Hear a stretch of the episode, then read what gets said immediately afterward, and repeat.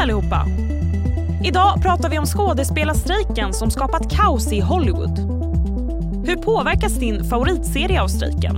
Och hur länge kan strejken pågå? Vi frågar Expressens tv-kritiker Mattias Bergqvist. Vi ska också få veta hur många liter lightläsk som man kan dricka nu när aspartam klassats som cancerframkallande. Som vanligt får du även de allra senaste rubrikerna. Du lyssnar på Läget, Expressens dagliga nyhetspodd med mig, Sally Sjöberg. Men vi börjar med att tre personer har hittats döda i en bil utanför Skinnskatteberg i Västmanland. Enligt uppgifter till TV4 Nyheterna rör det sig om en kvinna och två barn. Polisen säger att det hela utreds som en isolerad händelse och att man inte letar efter någon gärningsman. Vi fortsätter att berätta att inflationen sjunker. Dessvärre så faller dock inflationen långsammare än väntat. Nu ligger inflationen enligt måttet KPI på 9,3 procent vilket kan jämföras med 9,7 procent i maj. Hela 50 000 personer kräver att den finländska finansministern ska avgå. Det rapporterar Dagens Nyheter. Kravet kommer efter ett gäng rasistiska inlägg som finansministern ska ha skrivit på en blogg.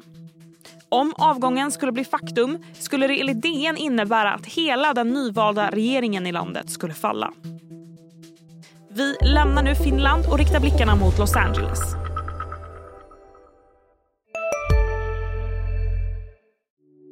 Hej, Ulf Kristersson här.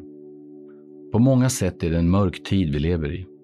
Men nu tar vi ett stort steg för att göra Sverige till en tryggare och säkrare plats. Sverige är nu medlem i Nato. En för alla, alla för en. Vi är specialister på det vi gör, precis som du.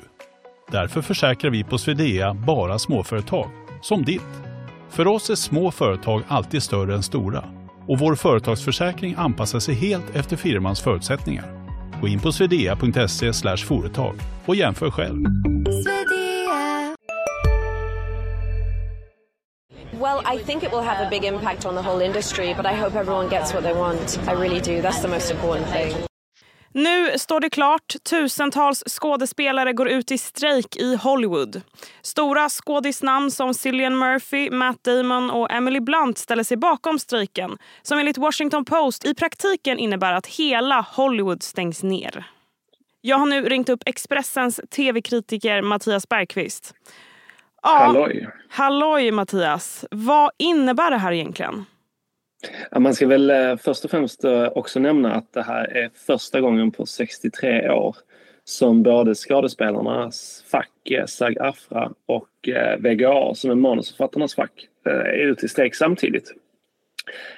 Men i praktiken så innebär det här att på fredag amerikansk tid så stängs all filmproduktion ner i Hollywood. Skådisarna är helt enkelt i strejk och då gör man ingenting. Vilka produktioner handlar det om då? Eh, finns det några stora namn som vi vet kommer stoppas?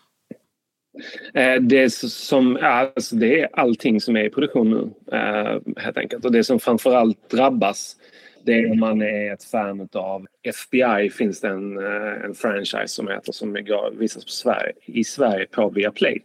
Det är en sån typisk produktion som eh, liksom spelar in, de har, spelar in ett avsnitt som sänds en vecka senare samtidigt som de, den, den sänds samtidigt som den spelas in så att säga. Eh, de, de andra serierna jag vet att Emily in Paris senaste säsong, den, den var redan stoppad på grund av manusstrejken. Så de flesta är, har liksom redan satt stopp på grund av manusen. Men nu kommer det liksom in film på ett annat sätt också i den här strejk, eh, Hollywoodstrejken helt enkelt. Ja, alltså som du sa, det finns alltså två strejker. Manusförfattarna gick först ut, nu går skådespelarna mm. ut. Mhm. Men mm -hmm. eh, bakgrunden då? Var, varför strejkar skåd skådisarna? Eh, det handlar om hur man får betalt. Och eh, framförallt AI eh, också, där man är nervös för att produktionssidan, produktionsbolagen, filmstudierna ska använda eh, AI för att eh, istället för att skådespelarna arbetar så blir det AI istället. Liksom. Det handlar det bland annat om. Sen handlar det om hur man ska få betalt eh, om man till exempel har en serie som går på Netflix eller HBO där man som skådespelare inte får reda på eh, vad, eh, hur många som har sett den. Eh, och tidigare då har det varit att ju fler som ser desto mer får du betalt. Men eftersom Netflix inte delar med sig av tittarsiffror även till skådespelare och manusförfattare så är det omöjligt för dem att hävda att men det här är ju jättepopulärt, jag vill ha mer pengar. Och vet man någonting om hur länge det här kan pågå? Det kan pågå länge, länge, länge, länge. Men om man tittar på liksom vad, eh, eh vad alla vill och eh, så är det, nu är det mycket hårda ord i början utav det här. Men om man ser till exempel till manusförfattarstrejken eh, kommer ju troligtvis pågå i åtminstone 100 dagar. Eh, och troligtvis mer. Och då kan man ju tänka sig att skådespelarstrejken kanske landar någonstans där också. Då är man inne på hösten och sen så ska allting startas upp igen och sådär. Så att man, det här är nog ett, skulle jag gissa, ett halvår som man kan räkna bort. Och vilka kan de, om det här nu pågår länge, vilka kan de långtgående konsekvenserna bli? Eh, det kan bli att den eh, streamingmarknaden som redan är väldigt utsatt och där eh, så att säga, streamingbubblan håller på att spricka.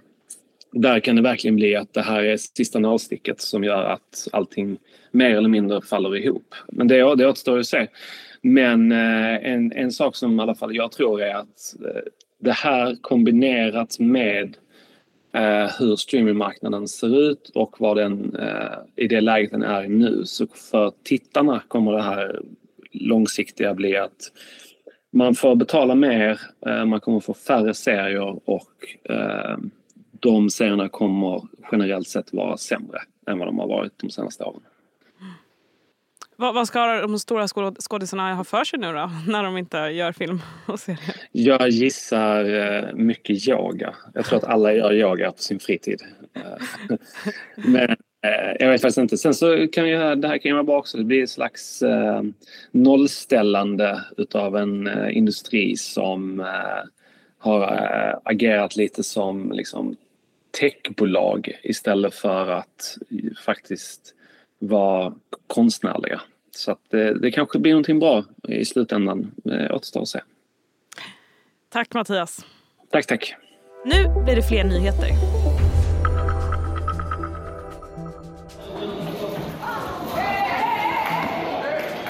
Det blev kaotiskt i Kosovos parlament när flera ledamöter rök ihop efter tre dagars intensiv debatt. En video inifrån parlamentet visar hur Kosovos premiärminister fick vatten kastat på sig. Sen valet i april har det spända läget i landet intensifierats. Nu bör alla katt och hundägare lyssna lite extra noga. För fågelinfluensa sprider sig just nu över världen och EUs myndighet för livsmedelssäkerhet rekommenderar alla med husdjur att hålla dem borta från döda och sjuka djur. Uppmaningen kommer efter att flera katter och hundar smittats i både Italien och Polen de senaste veckorna. Vi går vidare till en vetenskaplig nyhet som blivit en snackis. Hej, Synoptik här. Hos oss får du hjälp med att ta hand om din ögonhälsa. Med vår synundersökning kan vi upptäcka både synförändringar och tecken på vanliga ögonsjukdomar. Boka tid på synoptik.se.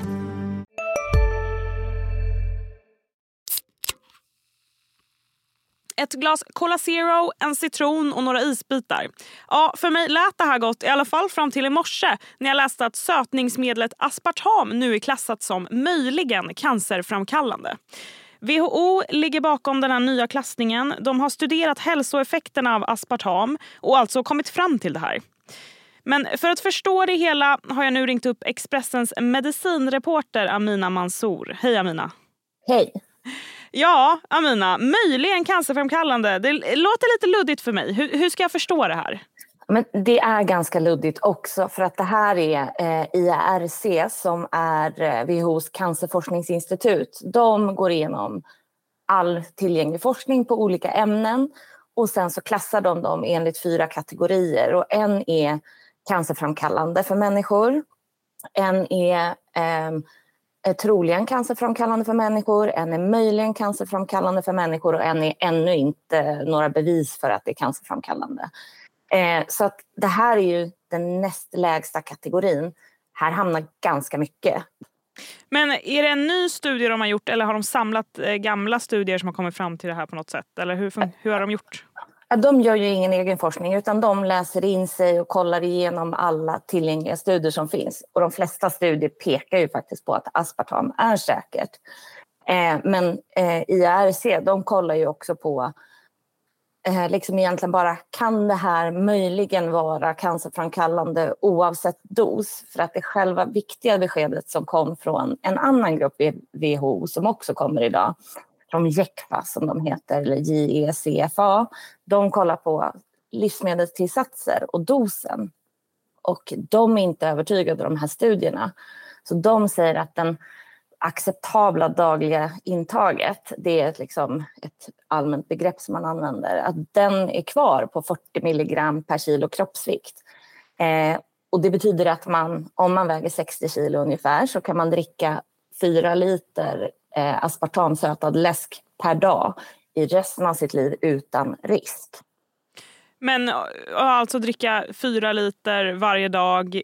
Behövs det här? Liksom, det här känns som att det skrämmer upp mer än vad den behövs. Ja, och det har ju varit en sån typ av kritik för det här läckte lite från eh, IRC eh, för några veckor sedan så Reuters rapporterade om det och då blev det liksom en diskussion. Ehm, men jag tror att det stora problemet här är hur IARC jobbar. De tittar bara på substansen. Är det här möjligen cancerframkallande? Ehm, Medan då Jekfa tittar på hur mycket. Det, det blir alltid förvirring kring IARC och lite hur de klassar det här. Så egentligen för den allmänna allmänheten så har ingenting förändrats. Det, är liksom, det acceptabla dagliga intaget får fortfarande vara ganska högt.